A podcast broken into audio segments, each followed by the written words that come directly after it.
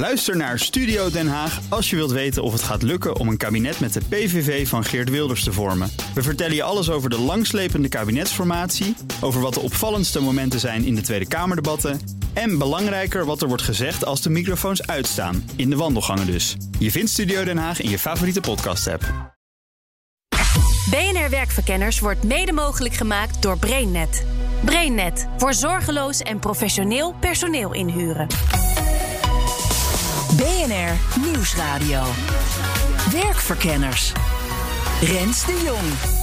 Hoe raakt iedereen nou doordrongen van het belang van een leven lang leren? Ja, voor de coronacrisis waren er ook al krimpsectoren. Maar nu, midden in de crisis, wordt het helemaal duidelijk. Zelfs de vaste baan is niet heilig. Lees veilig. Iedereen moet aan zijn eigen duurzame inzetbaarheid werken. En daar is geld voor. Dat is het goede nieuws. Dat zit voor een groot gedeelte in ONO-fondsen, onderwijs- en ontwikkelingsfondsen. Probleem is, dat geld komt niet zo makkelijk uit die fondsen. Want er zijn allerlei voorwaarden aan gekoppeld. Nou, tijd misschien om die fondsen leeg te trekken, vroeg ik aan de Kamerleden. Dat klinkt alsof je allemaal geld alleen maar gaat afpakken... dat ze dan daar ook geen rol meer in hebben. En, en daar, dat zie ik niet direct. Ik denk wel dat daar heel veel middelen beschikbaar zijn... die we nu beter kunnen inzetten. Maar dat moet in gesprek met die ONO-fondsen ook. Ja, ja. En ik denk dat zij dan, daar ook voor openstaan. Nou, bij een ander Kamerlid viel deze suggestie iets meer in de smaak. Dat zou ik ideaal willen. Of Ja? dat binnen Zou je het gewoon leeg willen halen dus? Nou, misschien is dat wel iets te radicaal. Hè, maar uiteindelijk moet het wel... De mensen moeten bijgeschoold worden. De mensen moeten omgeschoold worden. Dus dat het bij de mensen komt, is volgens mij echt wel belangrijk. Nou, het komt ook wel bij mensen terecht hoor, maar lang niet bij iedereen. En dat was wel de belofte, zegt haar collega. Volgens mij is het praktijk, en dan doe ik het maar even grof. Scholing is met name beschikbaar voor mensen die mondig zijn, die wat hoger zijn opgeleid en die snel de weg naar het goede fonds weten te vinden. En daar vinden de PvdA en D66 elkaar. Het is ook ongelijk verdeeld. Hè? Hoe, hoe beter je positie op je arbeidsmarkt, hoe, hoe meer geld er is voor scholing en bijscholing. Dat is ook hartstikke belangrijk. Maar juist soms de groep die het meeste nodig heeft, heeft misschien nu wel de minste mogelijkheden om dat te doen. En wie moet er dan nu aan de bak? De werkgever, de werknemer? Maar ja, ze zijn er allebei niet altijd bij bezig. Nou ja, er zijn natuurlijk de, kortzichtige gedachten als de productie moet gedraaid en dat haal ik niet. En dan ga je ook nog één middag eh, per week eh, een beetje scholen. Nou, dat, eh, dat gaat nu even niet. Tot de werknemer die er ook geen zin in heeft, want het gaat toch goed zo. Dan toch de overheid maar, met enige dwang. Ik geloof sowieso wel in de wortel en de stok. Dus je moet het heel erg aantrekkelijk maken. Waar is dan de stok? De stok zit er denk ik in eh, dat je in gesprek met je werkgever... als die aangeeft, nou, deze baan, bijvoorbeeld de automatisering... gaat over een paar jaar verdwijnen... dat je dan wel ongelooflijk stom bent... als je niet ingaat op het aanbod om je dus om te laten scholen. Werkverkenners. In deze eerste uitzending van het verkiezingsdrieluik draait het helemaal om een leven lang leren. Vijf Tweede Kamerleden vertellen welke stappen hun partij op dit terrein gaat zetten. Maar eerst laat de expert even zijn licht schijnen. Ik ben Evert Verhulp, hoogleraar arbeidsrecht aan de Universiteit van Amsterdam en eh, kroonlid van de CER. Een leven lang leren? Ja, zolang ik bijna in de journalistiek zit, hoor ik al eh, een leven lang leren. Of tenminste een jaar of tien, denk ik. Maar het komt nou niet echt van de grond.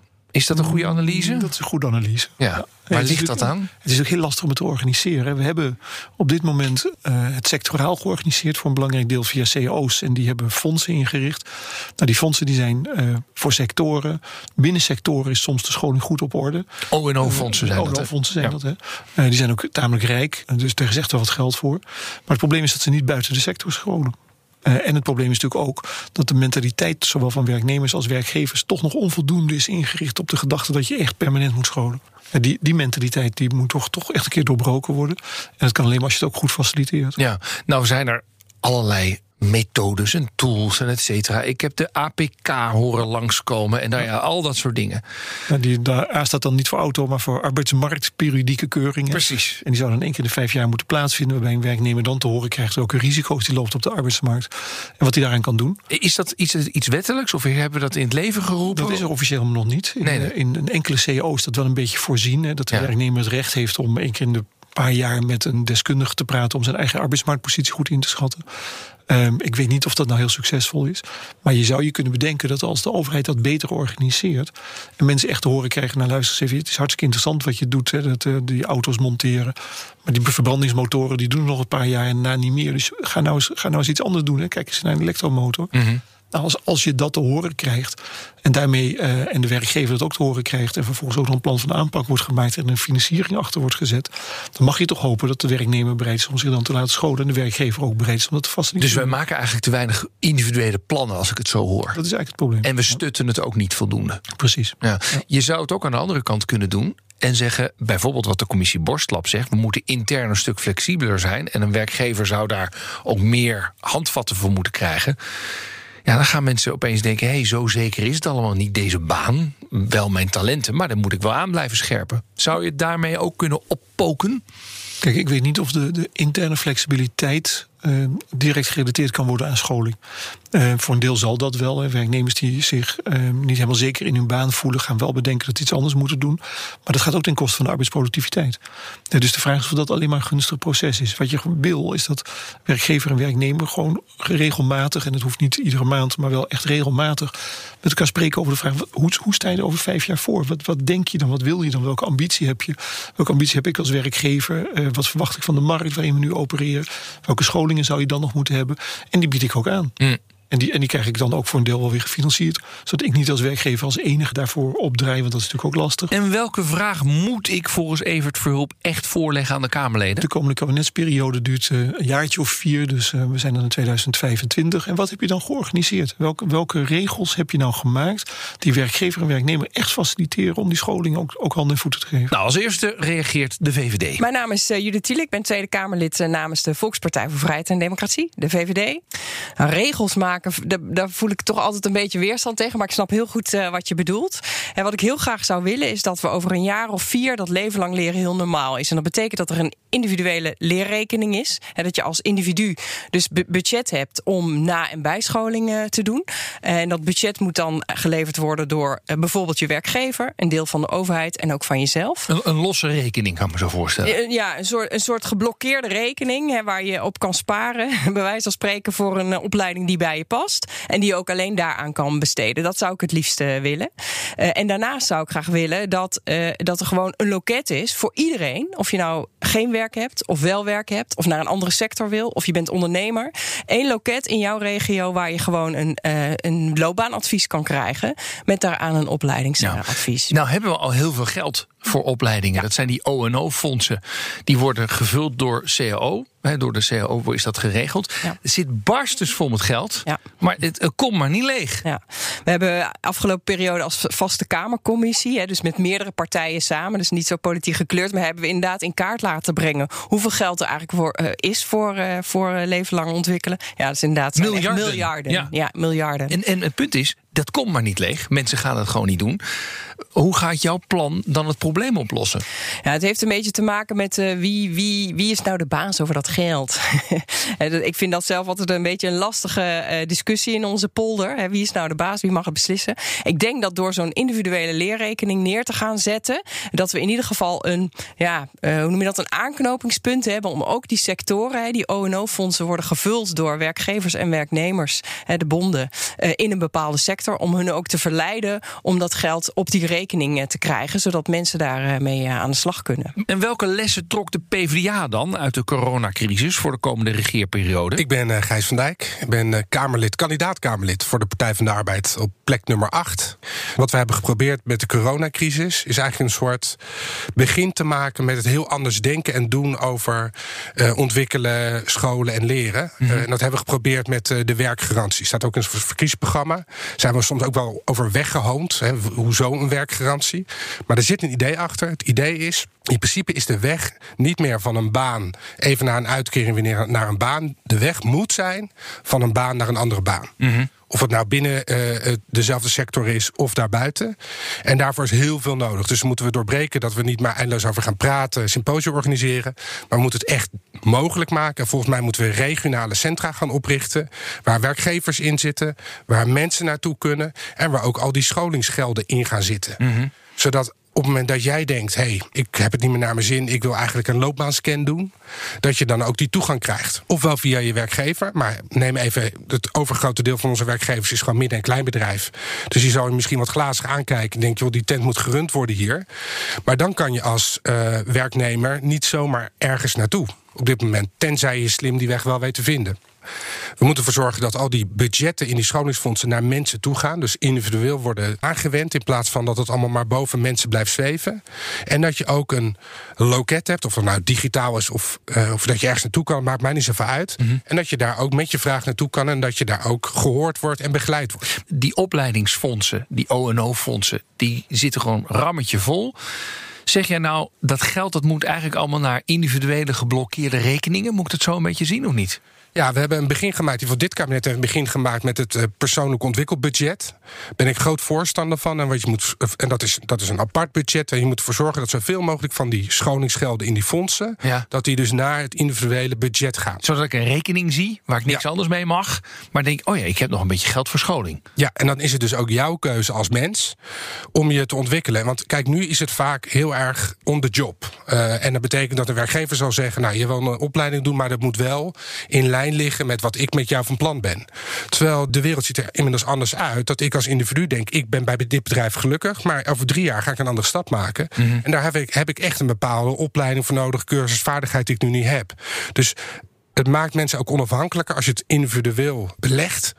En daardoor niet meer zo afhankelijk van werkgever of van een fonds of van de sociale partners die daarboven hangen. En dan de vraag, wat heeft het CDA voor elkaar gekregen? Mijn naam is Hilde Palland. Ik ben sinds eh, mei 2019 een Kamerlid voor het CDA. En ik ben weer verkiesbaar op plek eh, 12. Wij hebben dan aan het einde van de komende periode gerealiseerd dat er individuele leerrechten zijn. Eh, zodat iedereen hetzelfde onderwijsaanbod zeg maar, van de overheid aangeboden krijgt. En mensen die daar wat korter gebruik van maken, bijvoorbeeld omdat ze een eh, beroepsopleiding doen, dat zij later die nog niet eh, gebruikte leerrechten alsnog kunnen inzetten. En dat we daarnaast een structuur hebben gemaakt dat iedereen een soort individuele leerrekening heeft waarop je eh, die middelen, eh, financiële middelen, ook waar je werkgever aan kan bijdragen en waar de overheid aan kan bijdragen en waar ONO-fondsen aan kunnen bijdragen, eh, dat jij daar zelf over kan beschikken en dat je dat ook kan meenemen naar een volgende werkgever en zodat je je hele arbeidszame leven kan investeren in on- en bijscholing om nou ja, wend en weerbaar te blijven op de, op de arbeidsmarkt. En waarom lost dat het huidige probleem op? Nou, nu hebben we dat systeem nog niet. We hebben allerlei losse initiatieven. We hebben heel veel sectorale oplossingen.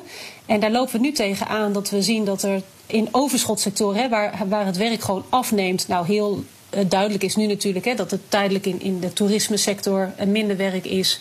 En in de horeca, maar er zijn ook hele grote tekortsectoren waar we echt staan te springen om, om, om handjes en, en om mensen.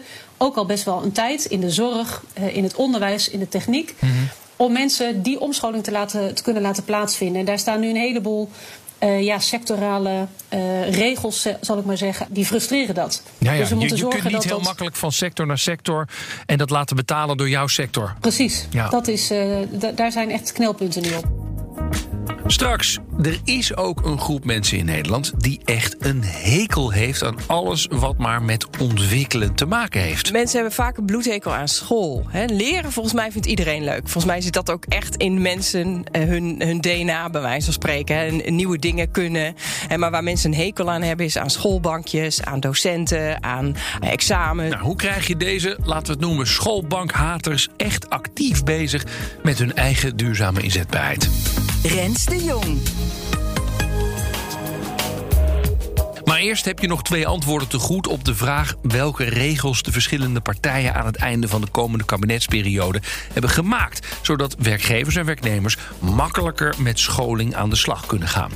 Nou, eerst GroenLinks. Ik ben Paul Smulders en ik ben Tweede Kamerlid voor GroenLinks. En bij de verkiezingen van 17 maart sta ik achtste op onze lijst. De vraag is denk ik of je moet beginnen met regels maken... of dat je moet beginnen met eh, zorgen dat, dat mensen die ook minder met scholing en ontwikkeling bezig zijn...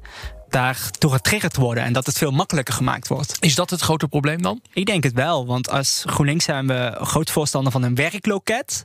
En wat dat betekent is dat er één plek is waar iedereen naartoe kan, of je nou een baan hebt of niet. Waar je vanuit vertrouwen en vanuit nou ja, eh, begeleiding gewoon kan praten over wat zou een logische volgende stap in mijn carrière of in mijn leven kunnen zijn. En nu is het vaak zo dat het UWV natuurlijk wel zijn rol heeft, maar als je daar eenmaal bent, eh, dan heb je vaak al een uitkering en dan, dan heb je ook een ander type gesprek. Ja. En wij willen heel graag dat er dus een plek komt waar iedereen naartoe kan en waar ook werkgevers naartoe kunnen met hun vragen. Dus een werkloket van twee kanten, uh, wat heel laagdrempelig is, zodat het ook makkelijker en automatischer wordt om nou, bezig te zijn met je, eigen, met je eigen ontwikkeling. Een werkloket klinkt weinig ambitieus. Tenminste, ik ga naar het werkloket, dan ben ik al bijna ontslagen voor mijn gevoel. Ja, en dat, daar moeten we dus van af. Kijk, en in heel veel andere landen hebben ze dit gewoon. En is dit heel erg gebruikelijk. Oh ja? En in Nederland hadden we vroeger een arbeidsbureau. Nou, dat klinkt ook niet echt benevolent, daar ben ik het helemaal met je eens. Maar het is natuurlijk wel goed dat er een plek is uh, waar je gewoon met objectieve mensen die niet te belang hebben om zoveel mogelijk geld aan jou te verdienen of aan jouw vraag kan praten van nou, wat zou nou eigenlijk een goede volgende stap voor mij zijn? En, en maar is het alleen daarover praten of is het ook daadwerkelijk ervoor zorgen dat ik me kan ontwikkelen, dat er geld voor is en et cetera? Het begint natuurlijk met praten. Uiteindelijk gaat het natuurlijk om ontwikkelen. Met alleen praten komt natuurlijk niemand uh, verder. Maar op dit moment is er zo'n woud aan scholingspotjes, aan budgets, aan vouchers nou, dat moeten we simpeler maken, dat moeten we aantrekkelijk maken. Maar ik ben er echt heilig van overtuigd dat dat alleen niet genoeg is. En D66, waar rekenen zij voor goed mee af? Steven van Wijnberg en ik ben de vice-fractievoorzitter van D66. En ook woordvoerder over de arbeidsmarkt. Ja, ik hoop dat ik nooit meer hoef te zeggen dat het op dit moment vooral een leven lang leuteren is. Omdat ik vind dat we hier echt te weinig gaan doen. Ja, een soort persoonlijk scholingsbudget eigenlijk voor elke werknemer. Dat lijkt me fantastisch. En um, ik hoop ook echt dat we de lessen trekken uit deze coronacrisis. Want opeens lukt het ons beter en zijn we nu ook echt veel meer bewust om mensen ook van werk naar werk te helpen. Dus ik hoop dat we naast wat we in cao's afspreken.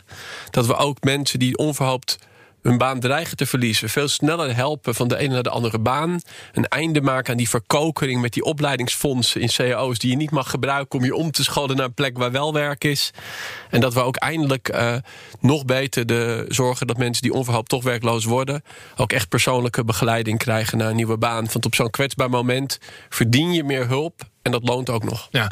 En dat scholingsbudget, dat moet persoonlijk zijn, begrijp ik. Ja, even, het is toch heel raar dat. Ik zou zeggen, zo'n budget hoort jou een beetje te volgen. In, de, in mijn beetje ideale wereld heb jij een budget en dat gebruik je. En als je naar een andere werkgever gaat, gaat dat budget mee. En daar zijn af en toe nog allerlei belastingproblemen die dat in de weg staan. Maar dat vind ik wel een, dat vind ik het mooie uitgangspunt.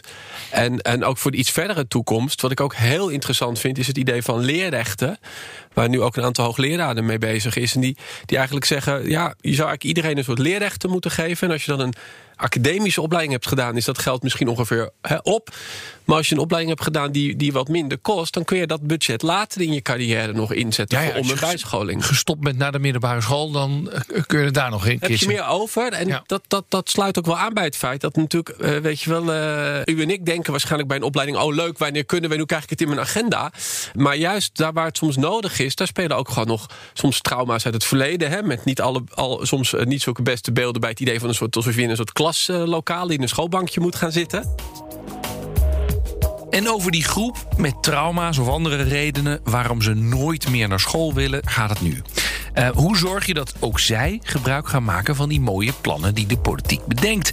We blijven nog even bij Steven van Wijnberg van D66. Het belangrijkste is denk ik dat, dat hier ook heel veel kan op een hele praktische manier. En uh, door mensen te helpen door ze ergens een stage te lopen op een andere plek. Uh, dit gaat een, een, een, diploma te halen om een heftstuk te kunnen besturen. Uh, leven lang leren is veel meer dan een beetje naar een seminar luisteren, een e-learning modus of, of een boek uit je hoofd leren. Hè. Het mhm. gaat juist vaak om hele praktische dingen. En een van de dingen die ik ook wel mooi vind nu, er zijn nu ook ontwikkeladviezen hè, gemaakt, zodat je een beetje halverwege je werkzame leven. Als je denkt, ja, wat ga ik nou de rest van mijn carrière doen? Moet ik misschien toch een. Wil ik iets, wil ik iets anders? Of is misschien de baan of de sector waar ik werk staat het aantal banen onder druk? Ja, zo'n ontwikkeladvies, dat blijkt heel populair. En dan er alleen al over praten, het klinkt heel soft. Maar het kan wel net even bij jou net even het knopje omzetten van wacht even. Als ik op mijn handen blijf zitten, dan word ik straks een speelbal misschien van mijn baas en van de arbeidsmarkt. En zo hou ik wat meer eigen regie. Gijs van Dijk van de PvdA die liep een tijdje mee met een stel lassers. En dat leverde hem de nodige inzichten op. Voor de lassers die ik heb gesproken, de, de, de, liefde was niet om naar school te gaan. De liefde was om aan de slag te gaan. Uh, maar wat ze wel zien, is dat er heel veel nieuwe technieken in die laswereld uh, zitten. Maar dat heel veel van dit soort mensen zitten jarenlang ook in flexibele uh, arbeidsrelaties. En hebben niet de beste contracten en ook niet de beste verhouding met hun, met hun bazen. Dus zij wilden echt wel iets. En zij wilden wel die skills leren. maar niet meer een hele opleiding. Want ze waren al lang blij dat ze die MBO-opleiding hadden afgerond afgerond. En dat ze gewoon vanaf 18e, 17e aan de slag konden. Ja, dus zeg jij, dan ga je weer terug eigenlijk naar. eh, waar, waar leer je lassen eigenlijk? Ja, je leert het op een ROC. En dan zeg je, zeg je, ben je een volwassene? Zijn er nieuwe lastechnieken? Dan ga jij in de basentijd of in je eigen tijd... ga je weer terug naar het ROC. Dan betaal je uit je rekening. Leer jij een nieuwe manier van lassen. Ja, en dat vraagt ook iets van het onderwijs. Want op dit moment zal een ROC vaak zeggen... ja, u ma- mag bij ons komen leren, maar dan moet u dat twee, drie jaar weer komen doen. Nee, je komt dat voor bijvoorbeeld een maand, twee maanden doen... voor die techniek bijvoorbeeld onder water lassen. Nou, daar kan je een hoop geld mee verdienen bij de boorplatformen. Nou, dus heel veel van die jongens willen dat. Maar daar heb je toch echt wel even nieuwe vaardigheden voor nodig. Ze willen die vaardigheid leren. Dat moet je kunnen doen van je eigen budget. En een, kijk, het vraagt ook weer iets van het onderwijs. Het onderwijs moet ook dat mogelijk gaan maken. En ook Paul Smulders van GroenLinks wil dat de ontwikkelingsplannen gericht zijn op iedereen. Daar moet je echt andere dingen voor gaan organiseren. Om te zorgen nou ja, dat iedereen daaraan meedoet. Want dat is wel het maatschappelijk belang. Mag er ook enige dwang aan te pas komen? Kortom, wil je dwingen dat mensen het heft van hun carrière in eigen hand nemen? Volgens mij is eh, iemand de schoolbankjes of wat dan ook in dwingen nooit verstandig. Nou goed, we hebben leerplicht, dus dat doen we al, dat doen we al heel lang. Zeker, ik weet nog wel van die lessen die ik niet zo interessant vond, dat ik daar het minst van heb opgestoken. Als ik daar toch, als ik daar toch naartoe moest. Ja, Ehm, maar dat is natuurlijk het punt. Mensen zitten fijn in hun bubbel qua werk. Die denken, nou, ik vind het eigenlijk prima zo. Ik wil altijd dit blijven doen. En als jij ze niet gaat dwingen, hoe, hoe- hoeveel ballonnen je ook gaat ophangen bij dat werkloket, dan komen ze niet. Het is denk ik wel belangrijk dat je nou, één keer in het jaar minstens met je werkgever praat van nou, hoe is mijn toekomst? bij deze organisatie? En welke vaardigheden moet ik mogelijk gaan ontwikkelen? Eh, en als de conclusie daarvan is dat het goed is om jezelf eh, mogelijk breder te gaan scholen of breder te ontwikkelen, dan is het belangrijk dat dat gaat gebeuren. Mhm. Maar om mensen nou te gaan dwingen om een opleiding te gaan volgen waar ze totaal geen behoefte aan hebben en geen zin aan hebben, daar geloof ik gewoon niet in. Ik denk echt dat mensen intrinsiek gemotiveerd moeten zijn, maar dat we als overheid en als samenleving en ook als werkgevers veel meer kunnen doen en het makkelijker kunnen maken om te zorgen dat mensen eh, daar ook echt voor openstaan. Volgens Judith Tiele van de VVD hoef je mensen ook helemaal niet meer naar de schoolbanken te duwen. Nee, ik denk dat leren heel veel ook in de werkomgeving gaat. Hè. En zeker in eh, beroepen waar je eh, veel dingen met je handen eh, moet doen. Hè, daar moet je niet in een schoolbankje gaan zitten. Dat is gewoon de learning by doing. Learning by doing, maar wel, daar moet dus wel goede begeleiding en ook overdracht van kennis en vaardigheden bij. Hè. Dat is niet zo van. Maar doe waar maar heb je dan die potjes dan voor nodig? Want nou, om te zorgen dat werkgevers het tijd hebben om mensen te begeleiden. Om inderdaad aanvullende kennis wel te kunnen leveren. Helemaal zonder theorie is eigenlijk niks mogelijk. Je moet wel soms een beetje begrijpen hoe dingen zitten. En, maar dat hoeft niet per se in dat ouderwetse schoolgebouw. Dus eh, eh, ik denk dat leren niet per se het probleem is. Wat vooral volgens mij belangrijk is, is dat mensen die een vervolgopleiding hebben gedaan, bewust zijn van het feit en ook zin hebben om af en toe ook bij te leren. Dat ze weten dat hun beroep verandert. Dat ze Mhm. weten dat hun vak verandert. En hoe ga je dan om met mensen die zeggen: Nou, ik vind het eigenlijk wel prima zo? Nou, ik denk dat, dat je dan door moet vragen. Wie moet dan doorvragen? De werkgever voor een deel. De werkgever heeft vaak net een wat langere vooruitblik op zijn bedrijf en de sector en de ontwikkelingen daarin dan een eh, werknemer. Die is bezig met hoe, hoe hou ik mijn bedrijf ook bij de tijd. Dus ik denk dat de werkgever ook moet doorvragen. wa- Hoe zie je jezelf dan over een jaar? Denk je dat het precies nog hetzelfde werk is? Zie je die- dat er ontwikkelingen hier zijn? Heb je geen zin om eens te proberen om met deze nieuwe machine, deze nieuwe software, deze nieuwe weet ik veel wat aan de slag te gaan? Ik denk dat het zo moet eh, werken. bij de werkgever leggen om te gaan praten over de carrière? Ik zie daar twee problemen mee. Eén, die werkgever is daar helemaal niet zo heel goed op uitgerust. Steken die lijnmanagers niet. Twee, als je het nou hebt over als je ergens anders carrière wil maken, ja, dan moet je niet met je baas gaan praten, want die heeft geen verstand van die andere sector. Ja, dat is waar. Dat is waar. En daarom pleit ik ook eerder in het gesprek voor dat ene loket. En waar je gewoon eigenlijk altijd terechtkomt. moet- Dan moet je dan zelf naartoe gaan. En dan is dan de vraag: hè, als je daar eigenlijk geen oog voor hebt. of je hebt andere dingen aan je hoofd. of wat dan ook. hoe kom je daar dan terecht? Ja, dat is wel een goede vraag. Daar eh, heb ik ook niet zo 1, 2, 3 een antwoord op, heel eerlijk. Maar het moet in ieder geval wel toegankelijk zijn. dat je ergens eh, terecht kan om loopbaanadvies eh, te krijgen. En ook Hilde Palland van het CDA ziet dat niet iedereen heel graag wil. Mensen hikken daar wel tegenaan. Dus ook hè, met, met een leven lang leren, nou, daar, ma- daar, daar maak je niet iedereen mee enthousiast. En wat we nu ook zien, is dat er best wel behoefte is aan, aan om- en bijscholing. En wat kan ik op de arbeidsmarkt? Ja, maar dat zag je dus inderdaad in de crisis. Hebben heel veel mensen daar wel een vraag naar gehad. Maar wat ik begreep, waren dat vooral ook de mensen die dat normaal gesproken altijd, ook altijd doen.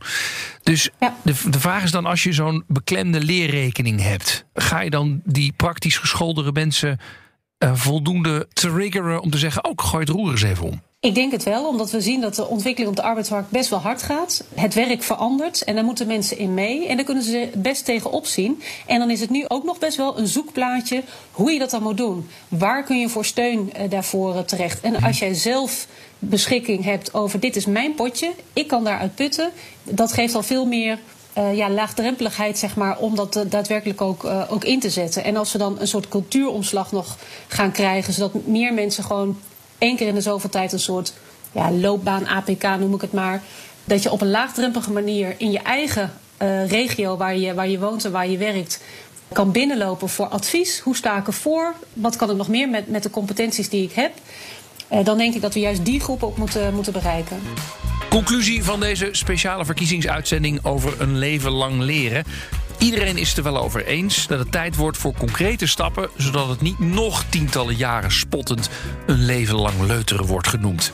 Een deel van de partijen is voor een individuele leerrekening. Maar er zijn ook partijen die het toch liever collectief regelen.